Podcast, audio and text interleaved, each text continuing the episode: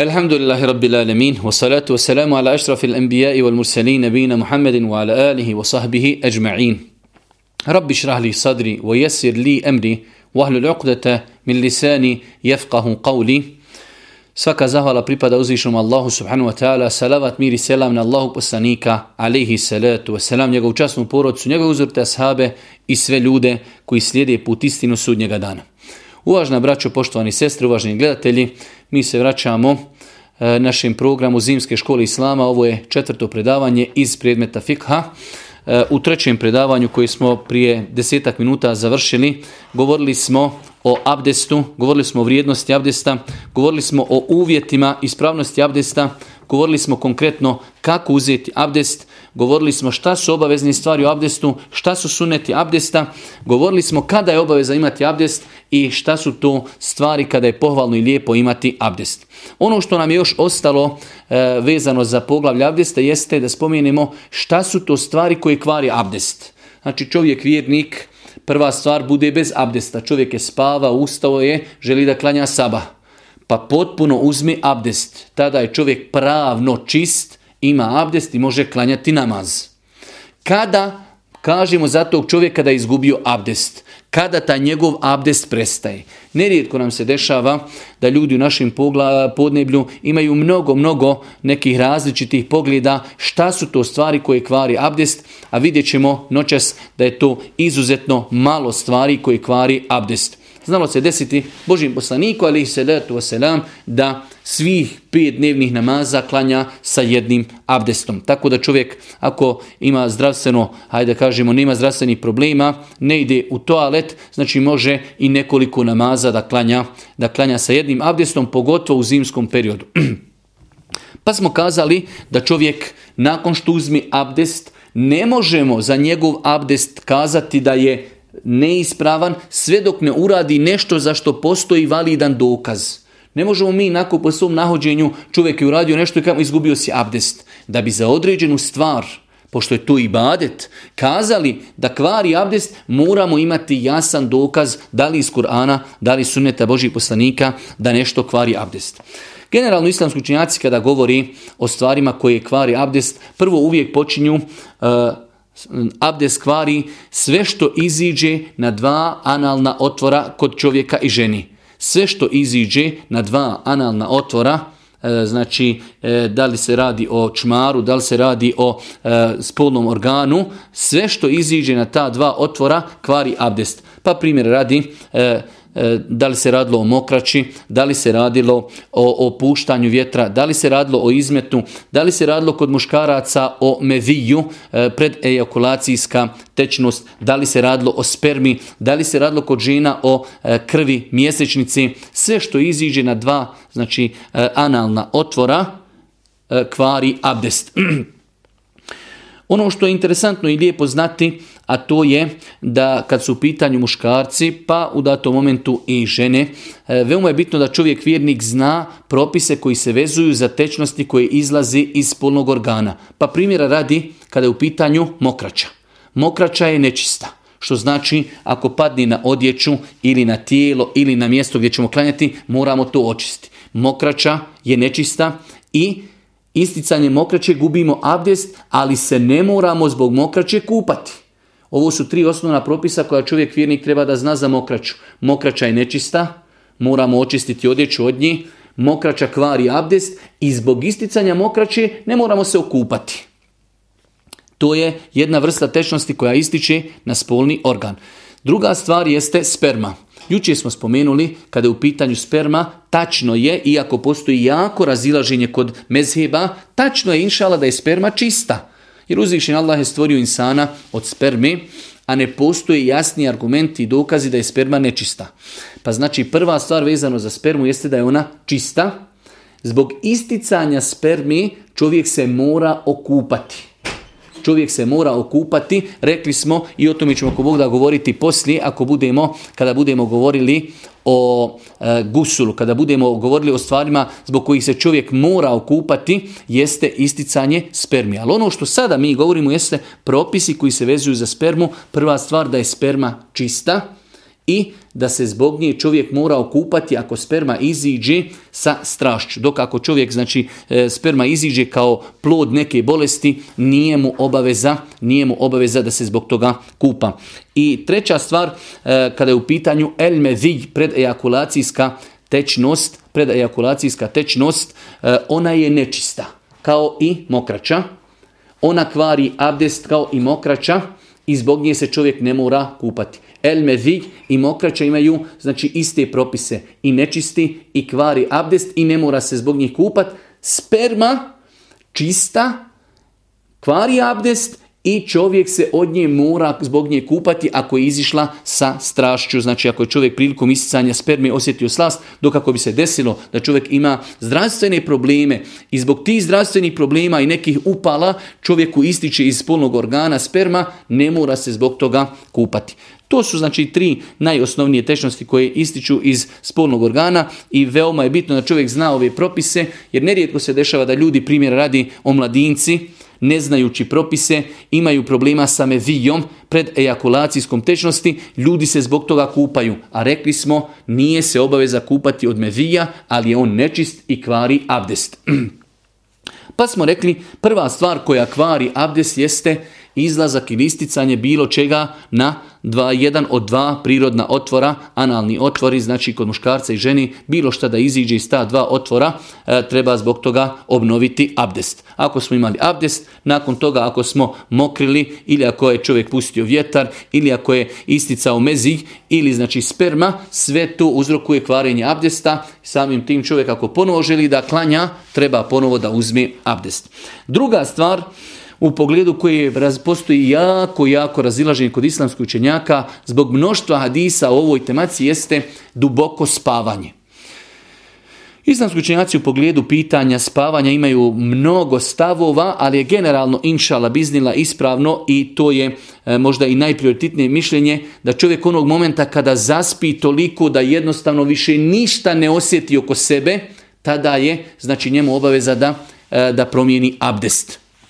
Dok kako bi se desilo da čovjek, ono ko što se zna desiti nekad u autu, čovjek malo kunja, ali jednostavno čuje šta se razgovara ili možda da je u toku tog kunjanja pustio vjetar, čovjek bi osjetio onda to kunjanje ne kvari Došlo je u više vjerodostojnih Adisa da su ashabi znali za vrijeme Božih poslanika čekati aciju. Znači eh, i u datom momentu padale su im glave. Znači od, pospanosti ljudi su ono hajdemo baš da kažemo nekako e, ali kaže nakon toga bi bio proučen i kamet i ljudi bi ustali klanjati. Tako da eh, kada je u pitanju san, San kvari abdest onog momenta ako smo zaspali do te mjeri da smo izgubili znači osjećaj šta se oko nas dešava.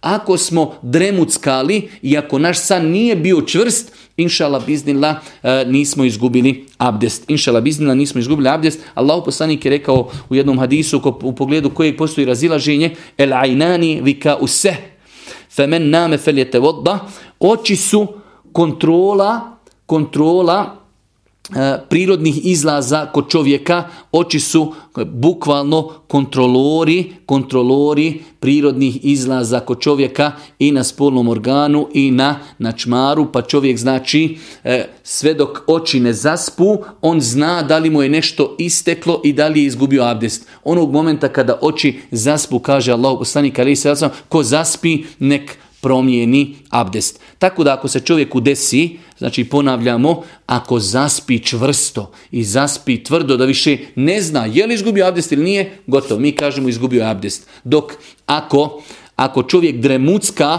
i nije znači sigurno bio zaspo, odnosno čuje ljude oko sebe malo dremucka, inšala biznila, to ne kvari, to ne kvari abdest. Treća stvar E, koja kvari abdest jeste da čovjek znači e, jednostavno izgubi razum. Da li će izgubiti razum zdravstveno, pa ne daj Bože da čovjek poludi ili toliko se znači napiti pa da čovjek izgubi razum, u svakom slučaju gubljenje razuma, gubljenje razuma kvari abdest. Četvrta stvar e, koja kvari abdest jeste dodirivanje spolnog organa, ovo je veoma bitno, dodirivanje spolnog organa bez odjeći, bez obzira radilo se sa strašću ili bez strasti. Ovo smo sve kazali kao klauzule na određene stavove islamskih učenjaka u pogledu toga da li dodirivanje i doticanje spolnog organa kvari abdest ili ne, postoji jako razilaženje kod islamskih učenjaka, postoji dva hadisa, znači koja su u datom momentu na, na prvu ruku i kontradiktorna. U jednom hadisu Allah poslani kaže ko dotakne spolni organ neka abdesti. Ovo je poznati hadis Busri. Ovo je poznati hadis Busri, a imamo drugi hadis od e, Talqa u kojem je Allah poslanik upitan o doticanju spolnog organa pa je kazao da li kvari avdes, pa je kazao Boži poslanik pa da li je spolni organ išta osim dio tvoga tijela. Pa znači shodno to mi po kojim hadisu učenjaci radi, došlo je do razilaženja da je bilo učenjaka koji su kazali doticanje spolnog organa kvari abdest, bilo učenjaka koji kažu ne kvari, bilo učenjaka koji su kazali ako se dodine spolni organ sa strašću, to kvari, ako se dodine slučajno to ne kvari. Allah najbolje zna. Allah najbolje zna. Ovo je naše preferirajuće mišljenje, a svakako ostavljamo e, prostora da neko odabri neko drugo mišljenje. Jeste da e, bilo koje dodirivanje spolnog organa kvari abdest. Evo nekoliko faktora, iako ne želim da vas mnogo time umaram, znači e, mi smo rekli ovo je fik, ima velikog prostora za razilaženje. Rekli smo da imaju dva hadisa koja su na izgled kontradiktorna, iako imamo načine kako možemo izbjeći tu prividnu kontradiktornost, ali imamo hadisu u kojem se kaže ko dotakne spolni organ neka abdesti, a imamo hadis da je Boži poslanik upitan o doticanju spolnog organa, pa je kazao, a da li je tvoj spolni organ išta drugo osim dio tvoga tijela, kao što dodirneš šuku i nekvari abdest, tako isto i spolni organ. U svakom slučaju, Prva stvar, gledano s aspekta lanca prenosilaca, iako to nije veliko moja struka, eh, hadis Busri u kojem stoji da je Boži poslanik ali se letu selam obaveza uzimanje abdjesta nakon drinanja spolnog organa jači je s aspekta vjerodostojnosti nego hadis od eh, talka. S druge strane, postoje jake indicije da je na početku islama, znači na početku islama Boži poslanik kazao da se, da se dodirivanje spolnog organa ne kvari abdest, nakon toga je to derogirano, u islamu postoji derogiranje propisa o tome, inša možda nekada i drugi put detaljnije govorim, ali u islamu postoji derogiranje propisa. Imamo dosta propisa u islamu koji su bili, pa su derogirani. Koliko puta je znači e, u islamu bio na početku islama određen propis, pa je to nakon toga derogirano. Pa jedan od propisa za koji kažu islamski učenjaci da je derogirano jeste i to da doticanje spolnog organa u početku nije kvarlo, a da je to znači poslije dokinuto ovim jasnim hadisom busrije da je Boži poslanik kazao ko dotakni spolni organ, ne neka abdesti. Isto tako, e, kada gledamo s aspekta mnoštva prenosilaca, e, mnogo je više prenosilaca koji prenosi hadis Busri nego hadis Talka, pa i to je jedan od načina kako učenjaci preferiraju jedan hadis na drugim. Ako jedan hadis prenosi samo jedan ili dva čovjeka, a drugi hadis prenosi mnogi drugi, onda se ovom hadisu koji prenosi mnogi drugi e, daje veća prednost U svakom slučaju, eh, čak određen dio učenjaka hadis talka gdje je Boži poslanik rekao da li je tvoj eh, spolni organ išta drugo osim dio tebe, Svatili su na, osnovu određenih rivajeta da se to odnosilo kada čovjek dodirne spolni organ u namazu, znači da čovjek dodirne kroz odjeću spolni organ, dok hadis busre se odnosi onda kada čovjek dodirne spolni organ bez ikakvog zastora. Pa se vraćamo na početak. Jedna od stvari koja kvari do, abdest jeste dodirivanje, direktno dodirivanje spolnog organa, bez obzira bilo sa strašću ili bez strasti, ako je direktno. Dok ako je to preko odjeće, preko peškira, preko hlada, plaća, onda to inšala biznila ne kvari, ne kvari abdest. Shodno tome, ako odabirimo ovo mišljenje, bez obzira da li čovjek dotakao spolni organ namjerno ili nenamjerno. Nekada čovjek dotakne spolni organ namjerno, to kvari abdest, a nekada nenamjerno. Možda čovjek se suši nakon kupanja, e, možda čovjek oblači hlače, mijenja veš i dotakne spolni organ. Bez obzira, ovaj hadis busri je jasan ko dotakne spolni organ, neka e, ponovi abdest, tako da bez obzira radilo se o direkt, e, namjernom ili nenamjernom doticanju spolnog organa. Isto tako, e, ako bi čovjek dotakao spolni organ preko odjeći, rekli smo da to inšala ne smeta i ne kvari abdest. E, svakako, e, ovdje se samo konkretno misli na doticanje spolnog organa, jer je tako rečeno u, Božje, u hadisu Božije poslanika, ko dotakne spolni organ, tako ako bi čovjek dodirnuo e, ako bi dodirnuo čmar, ako bi dodirnuo čak i testi se, kažu islamski učenjaci, da to ništa ne kvari abdest, samo doticanje spolnog organa direktno kvari abdest.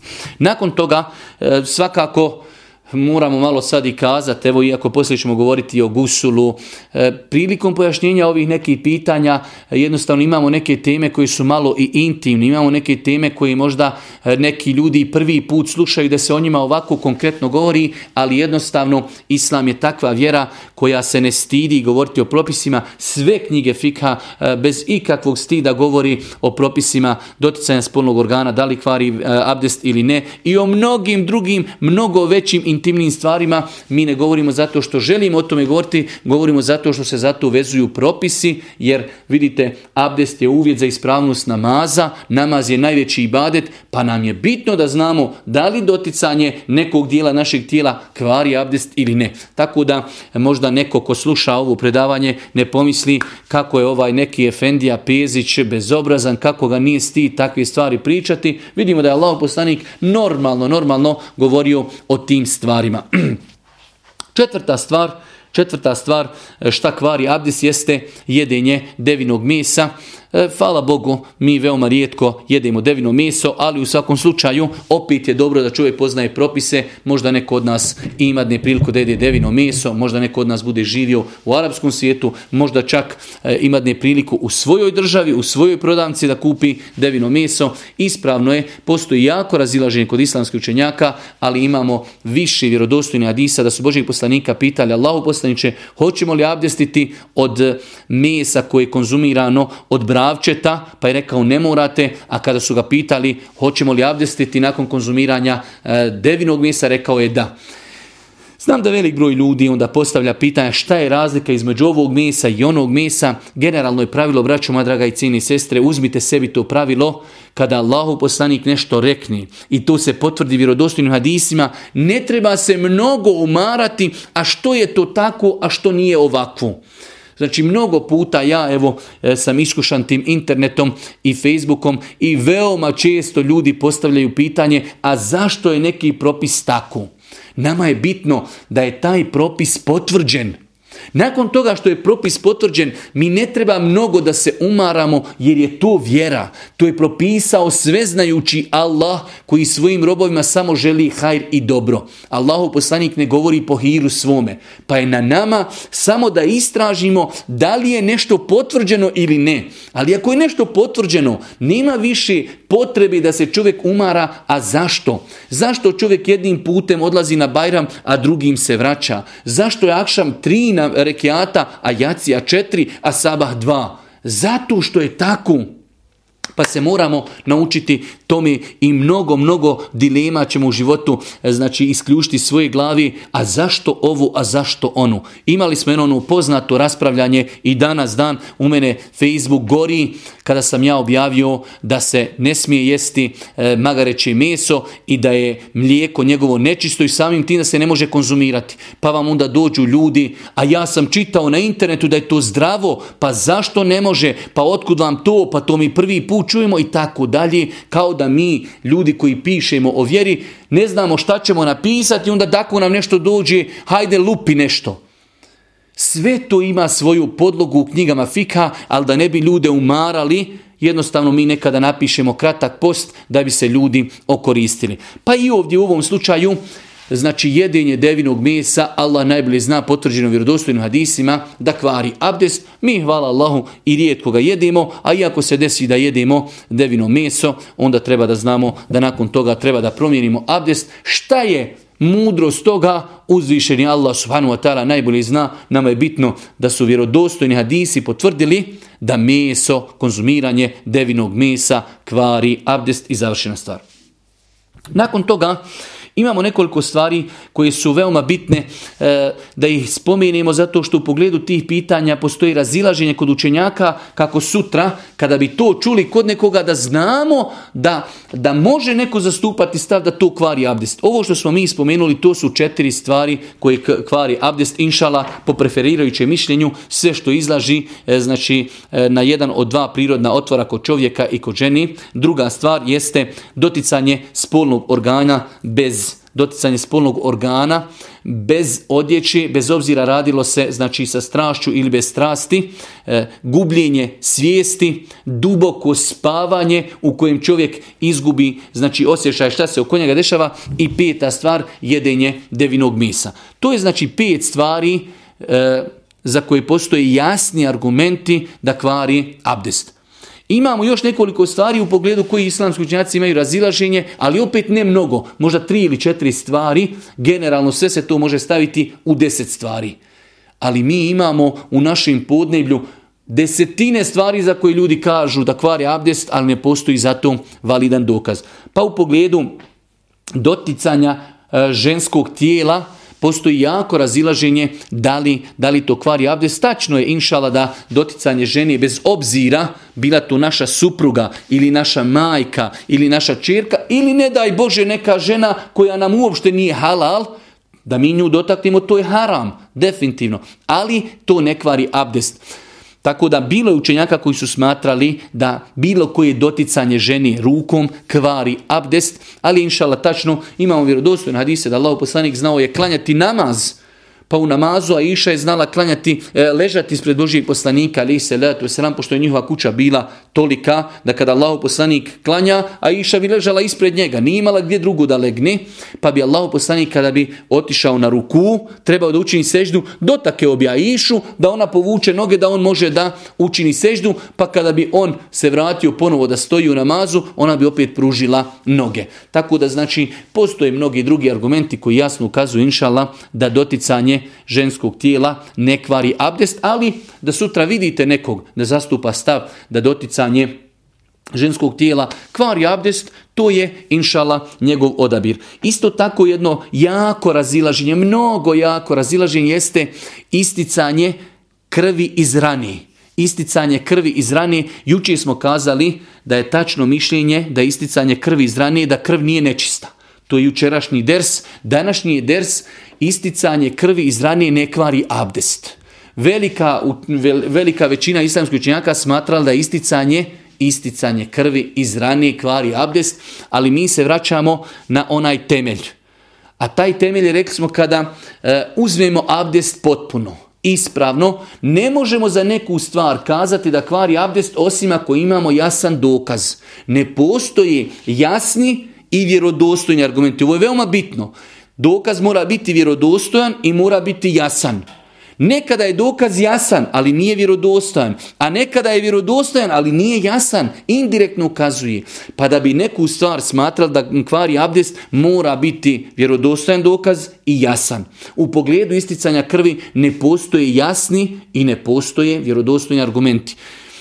Mi dopuštamo drugim ljudima da smatraju da isticanje krvi e, zauzmu stada to kvari abdest, ali znači iščitavajući ovu tematiku, ja smatram da isticanje krvi iz ranije ne kvari abdest, Rekli smo juče koliko je bitaka bilo i Bedr, i Uhud, i Hunein, i Azha, Ahzab, gdje su muslimani se znači borili sa, nevjernicima, njihove rane su krvarile i nikada nećete naći da je Boži poslanik kazao pazite sada, sada kada ste ranjeni, vaša krv koja ističe je nečista i morate paziti da vam to gubi abdest. Pa ne postoji vjerodostojni argumenti, iako situacija je iziskivala tolike bitke, tolike borbe i ni jedan hadis koji jasno ukazuje na to.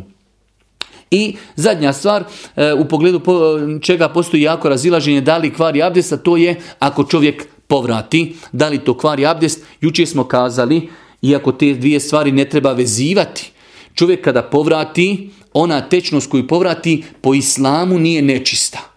Druga je stvar higijena. Higijenično je da mi to uklonimo sa svoga tijela, kao što je higijenično da uklonimo e, izmet E, životinje čije meso je jestivo. To je higijenično, ali govorimo da li je to s aspekta islamo čisto ili nečisto, pa znači rekli smo e, e, tečnost koju čovjek povrati nije nečista i s druge strane ne postoji vjerodostojan hadis da je Boži poslanik naredio uzimanje abdesta nakon povraćanja. Ima hadis da je Boži poslanik nakon, nakon povraćanja abdestio. Ali sama praksa Božjih poslanika nije obavezujuća dok ne dođe hadis koji jasno naređuje. Tako da, inšala biznila, tačno je, ako bi insan bio pod abdestom i povratio, da nije na taj način, inšala, izgubio abdest. E, veoma je bitno na kraju ovog druženja, odnosno na kraju ovog e, poglavlja da e, ponovo se vratimo u našem pravilu, a to je el laje la bišek, to je jedno veliko islamsko pravilo, sumnja ne potiskuje ubjeđenje. Znači mi kada uzmemo abdest na ispravan način, mi ne možemo kazati da smo izgubili abdest sve dok ne imadnemo neki dokaz sigurno da smo izgubili abdest. U praktičnom životu Primjera radi, čovjek je krenuo na podni namaz i abdestio je, potpuno abdestio, otišao je e, u džamiju, vratio je se, u dva sata treba da ide na ikindiju. I on počinje razmišljati, počinje razmišljati da li je izgubio abdest i ne može da se sjeti da je izgubio abdest. To je praktično veoma bitno. Da li će takav čovjek ponovo abdestiti ili neće? Nema potrebi. Znači, sumnja ne potiskuje ubeđenje. On je ubijeđen da je u 12 sati abdestio. I onda je pokušao da se sjeti da li je izgubio nekad abdest, da li je išao u WC, da li je pustio vjetar, da li je jeo devino meso, da li je spavao. Ništa se ne može sjetiti. Znači sumnja da li je izgubio abdest, mi kažemo sve dok sumnjaš da si izgubio abdest, ti si pod abdestom.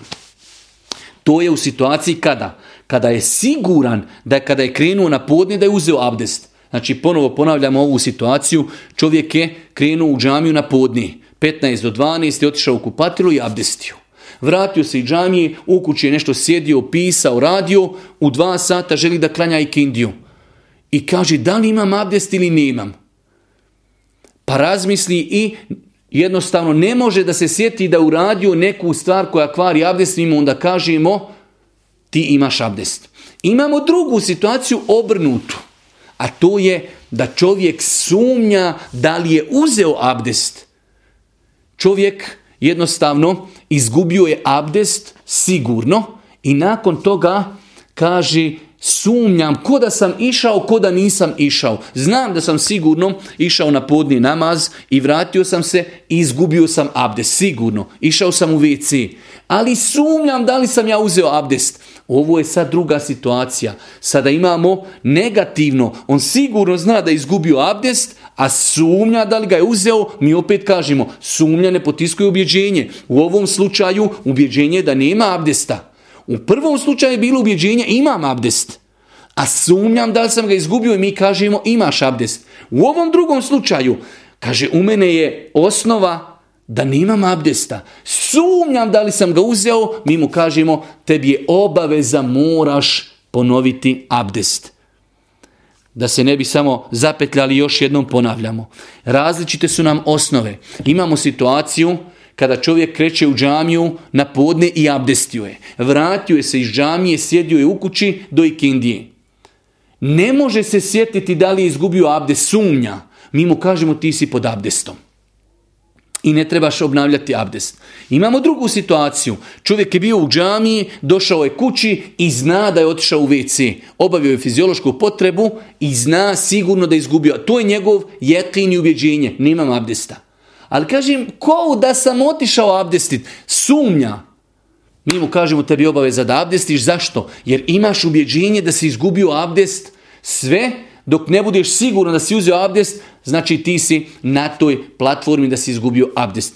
Tako da se duboko inšala nadam da smo razumijeli ova dva praktična primjera kada sumnja ne potiskuje ubjeđenje. U jednoj situaciji smo imali ubjeđenje da smo abdestili, pa to nismo pomjerili, znači zbog sumnji. a u drugoj situaciji smo bili sigurni da smo izgubili abdest, ali sumnjamo da li smo uzeli abdest, tada smo rekli da čovjek mora ponoviti abdest. Nakon što smo završili sa poglavljem abdesta, inšala, to su osnovni propisi koji bi trebao da poznaje vjernik koji se vezuju za abdest, a mnogo, mnogo drugih pitanja vezuje se za abdest. Prelazimo na nešto što islamski učenjaci uvijek obrađuju u ovom e, poglavlju, to je potiranje po mestvama. Potiranje po mestvama, inšala, to je zadnje poglavlje koje ćemo večeras ako Bog da pokušati obraditi u preostalih 15 minuta. Prva stvar, rekli smo na početku, e, uvijek kazujemo argumente koji ukazuju na propisanost potiranja po mestvama u islamu. Konsenzus islamskih učenjaka je da je dopušteno potirati po mestvama. Kur'an potvrđuje da je dozvoljeno potirati po mestvama i hadisi Allahu poslanika, mnogi hadisi potvrđuju da je Boži poslanik ali se letu nam i potirao po mestvama i posticao ashabe da potiraju po mestvama.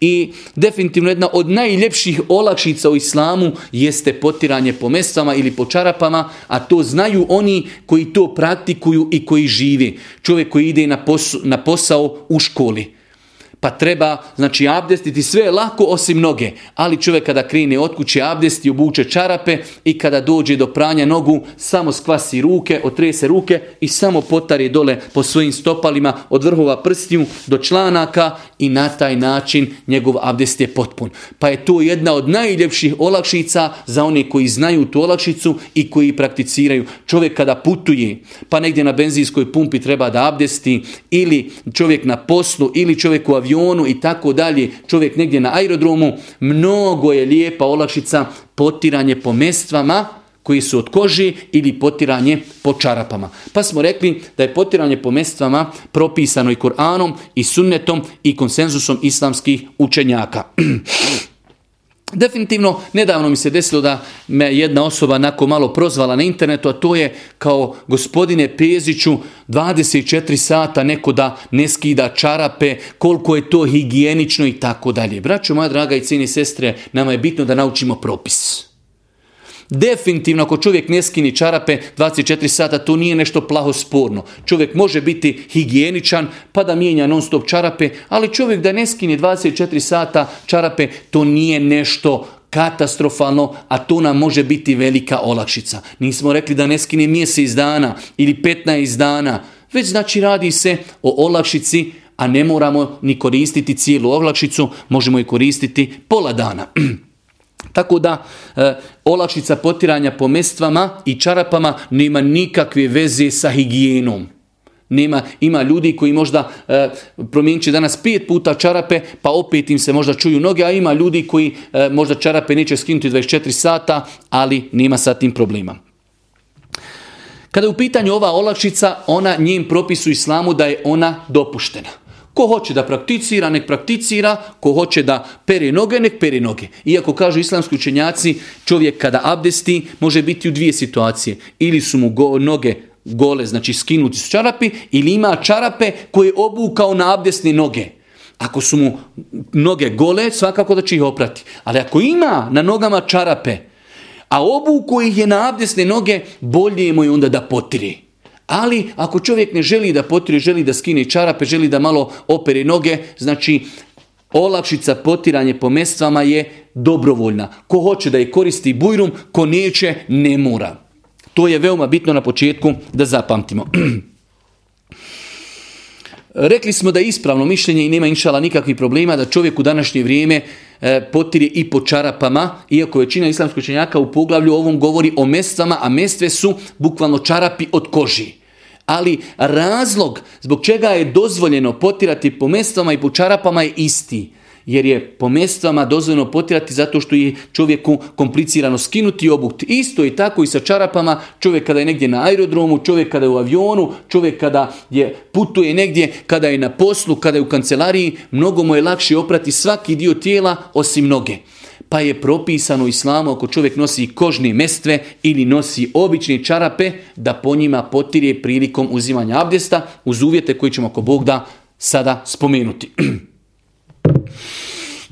Prva stvar, koliko čovjek može potirati po mestvama. Prva stvar je koliko čovjek može potirati po mestvama. Postoje dvije vrste ljudi. Imamo čovjeka koji boravi kod kući. Tu je, znači, negdje u gradu u kojem živi. I imamo čovjeka koji mu safir putuje dalje od 80 km iz svog grada.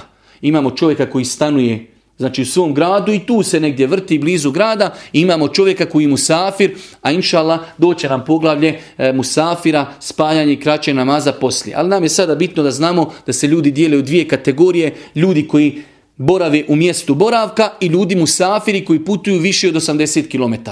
Čovjek koji kod kuće, u mjestu boravka može potirati dan i noć po mestvama ili čarapama. Dan i noć a čovjek koji mu safir, njemu je olakšica još malo veća, može potirati po mjestvama da ih nikako ne skida tri dana i tri noći. To je potvrđeno vjerodostojno hadisima Božih poslanika, ali salatu selam, mi smo rekli da se nećemo obavezivati, citirati argumente, mnogo je argumenta vjerodostojnih koji potvrđuju da je poslanik e, dozvolio da čovjek kod kući koji boravi potiri po mjestvama e, dan i noć, a čovjek koji mu safir tri dana i tri noći. Svakako, određen broj ljudi smatra da je potiranje po mjesecama samo specifično za zimu. Kao tada je hladno, imamo potrebu, što je netačno.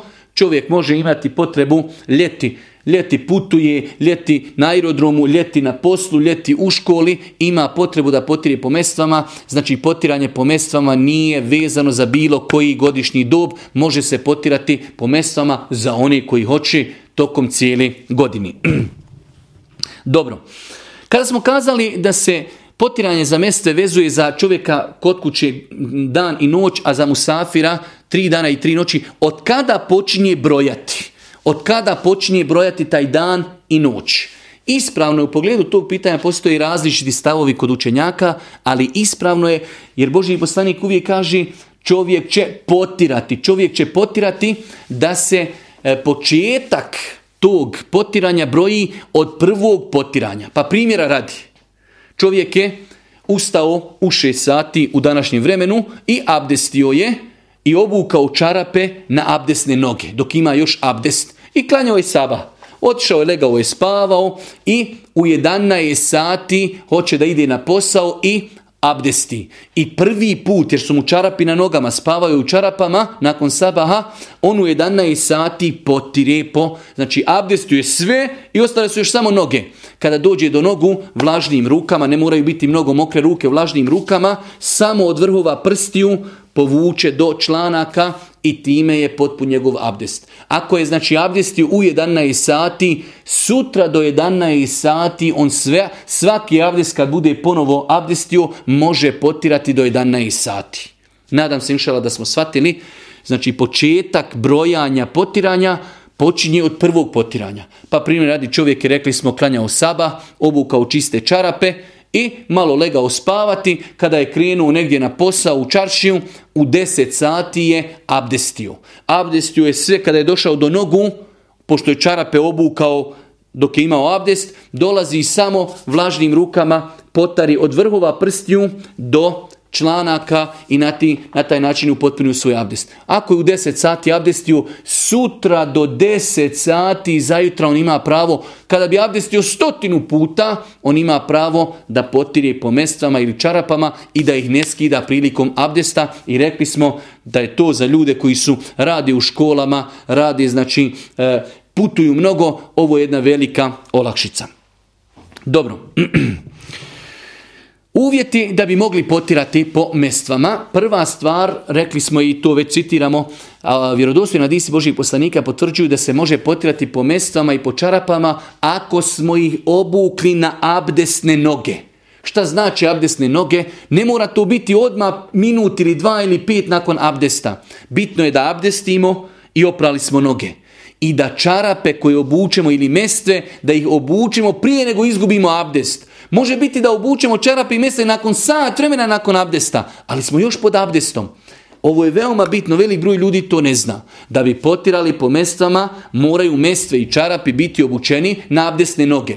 Ali ne mora biti bukvalno abdest i odmah u čarape. Bitno mi je da sam pod abdestom, makar to bilo i pola sata nakon abdesta ili sat vremena, bitno mi je da sam pod abdestom i kada obučem čarape, sljedeći put kada budem abdestio i kada dođem do pranja nogu, ne moram skidati čarape, ja mogu samo vlažnim rukama potrati po čarapama i moj abdest je inšala biznila validan. Pa je prvi uvjet da smo obukli ili mestve i čarape u periodu dok smo bili pod tim prvim abdestom. Druga stvar, da bude u vremenu. Rekli smo kod kući možemo potirati dan i noć, na putu tri dana i tri noći. Pa ako smo prvi e, dan potirali e, u deset sati, sutra do deset. već u 11 i ne možemo. Znači, mora biti u vremenu u kojem nam je Islam to dozvolio. Ako smo kod kući dan i noć, ako smo na putu tri dana i tri noći. Ako na putu prođe tri dana i tri noći, moramo skinuti e, mestve ili čarape, abdestiti i ponovo ih obući. Treći uvjet jeste da su mestve ili naši čarapi da su čisti. Misli se čisti da su čistog, od čistog materijala. Pa primjer radi, mestve mogu biti od svinske koži pa se po njima ne može potirati, jer je to nečisto. Mora da bude oduštavljene čiste koži. Isto tako da su čiste, da nema na njima nečistoći. Da nema na njima nečistoći, iako e, u datom momentu čovjek bi mogao potrati da mu abdes bude e, validan, ali neće moći tako klanjati. Ali je generalno pravilo da mestve moraju biti napravljene ili čarapi od nečega što je islamu čisto i halal pa ako bi se napravilo od koži koja nije uštavljena od lešini ili ako bi se napravilo od svin, svinske koži, nije dozvoljeno potirati po tim mestvama. Isto tako, e,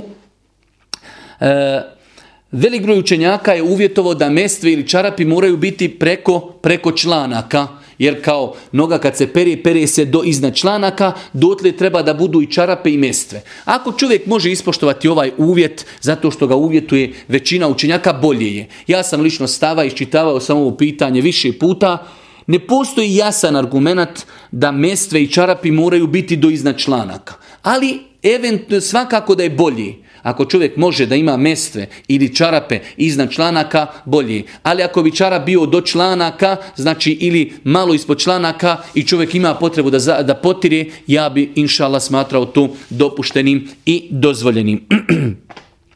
Isto tako e, vezano za pokrivanje noge mestvama, postavlja se pitanje ako bi čarapi ozdol bili malo prokinuti ili mestva negdje puknuta, da li se po takvim mestvama može potirati? E, islamski učenjaci su o tome mnogo, mnogo govorili, ali je tačno ako su čarapi malo napukli od nosanja ili mestve malo napukle, da se po njima može potirati iz razloga a sahabi Božijeg poslanika, oni su u mestvama hodali, oni nisu imali drugi cipela, druge obuće. Mi danas oblačimo mestve u cipele. Oni su u mestvama hodali i nelogično je da čovjek hoda u mestvama i da te mestve njegove negdje ne pukne knu Allahu poslanik im je općenito dozvolio potiranje po mestama. Tako da, znači čarap, da li zbog nošenja, da li zato što je loše kvaliteta, ako negdje pukne, inšala biznila, ako to nije neka ogromna rupa, znači može se po tim mestama i čarapama potirati.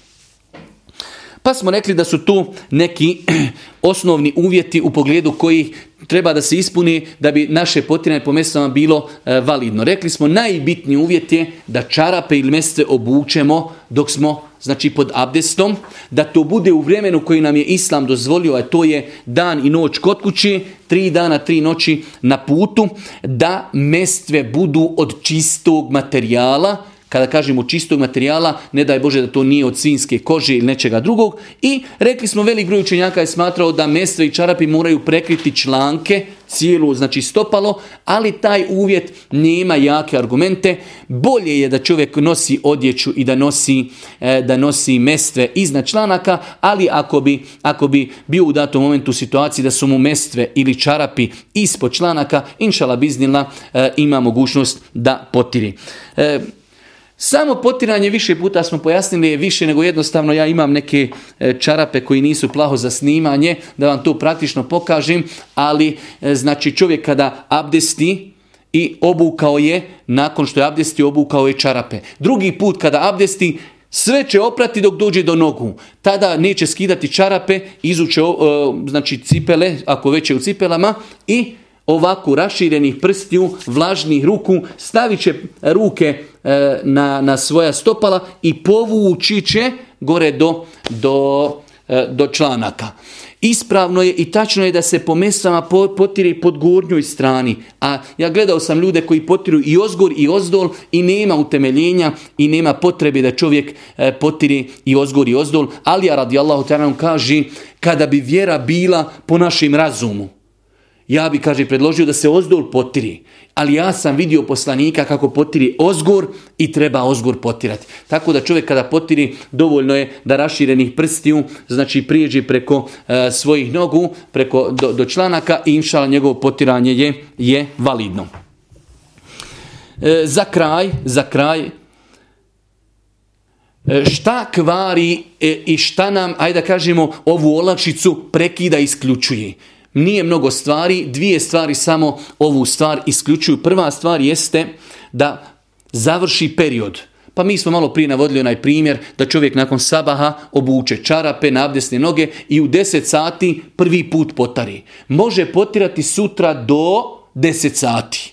Već nakon 10 sati isteklo je vrijeme, pa znači prestanak mogućnosti potiranja prestaje sa isticanjem vremena. I druga stvar, da skinemo čarape. Znači čovjek je u 6 sati abdestio i obukao je čarape.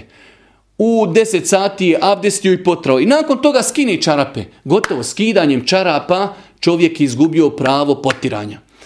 Skidanjem čarapa čovjek je izgubio pravo potiranja. Ovdje se sad postavlja jedno pitanje, a to je da li skidanjem čarapa, kada izgubimo mogućnost potiranja, da li smo izgubili abdest? I drugo pitanje, ono prijethodno, kada prestane vrijeme potiranja, jesmo li izgubili abdest? Dva pitanja, dobro je da ih znate praktično. Znači, kada prestane vrijeme potiranja, da li mi automatski gubimo i abdest i kada skinemo čarape, da li gubimo abdest? Velik broj učenjaka smatrao je da čovjek, ako skine čarape, izgubio je abdest. I ako prestane vrijeme, znači u 10 sati, gotovo, ali je tačno da je čovjek samo izgubio mogućnost potiranja, ali on je i dalje pod abdestom. Nije uradio ništa što kvari abdest. Tako da, ako se desi da smo počeli u 10 sati potirati po mestama i sutra u 10 sati nam prestaje mogućnost potiranja, ali smo mi i dalje pod abdestom. Sve dok ne uradimo nešto što kvari abdest od onih pet stvari koje smo spomenuli. Ili mi smo potirali jednom, dva put i nakon toga skinemo čarape. Ok, više ne možemo potirati ali ja nisam ništa uradio što kvari abdest. Pa je veoma bitno da znamo ova dva pitanja, ona nam, sa njima nam prestaje mogućnost potiranja, ali mi i dalje ostajemo, mi i dalje ostajemo pod abdestom. Za kraj i zaista time ćemo završiti, kažu islamski učenjaci da isti propis se odnosi i na obuću. Nerijetko nam se dešava da nas braća i sestre pitaju za obuću, ako čovjek znači obukao, abdestio je, i obukao je čarape i nakon toga obukao je i, i e, cipele, da li ili gojzerice neke i otišao je na put, otišao je na posao. Da li sutra kada negdje abdesti na aerodromu može po tim cipelama potrati, potrati tačno je inšala biznila mišljenje ako je čovjek E, e, te cipele, tu obuću koja je duboka kao neke duboke gojzerice, ako ih je obukao na, e, u periodu dok je imao prvi abdest, inšala biznila nema nikakve smetnje da potiri. Znači jedno od praktičnih pitanja jeste da čovjek abdestio je, obukao je čarape i na čarape obukao duboke cipele i negdje je na poslu, negdje je na putu, e, jednostavno teško mu je odvezivati cipele da bi potrao po čarapama, može li potrati po obući? Inšala može, jer u osnovi islam cilja olakšicu. A ovaj slučaj definitivno je velika olakšica da čovjek ne mora skidati obuću, pogotovo ako je negdje čovjek u školi, negdje na poslu, negdje na putovanju, mnogo mu je olakšano kada potari po svojim cipelama. U svakom slučaju, braćuma, draga i cijene sestre, u ovom evo drugom predavanju obradili smo dvije veoma, veoma bitne cjeline u islamu. Obradili smo stvari koje kvari abdest, i obradili smo stvari vezane za potiranje po mestvama. E, u, potira, u poglavlju potiranje po mestvama obradili smo nekoliko bitnijih stvari koje bi trebao da poznaje svaki.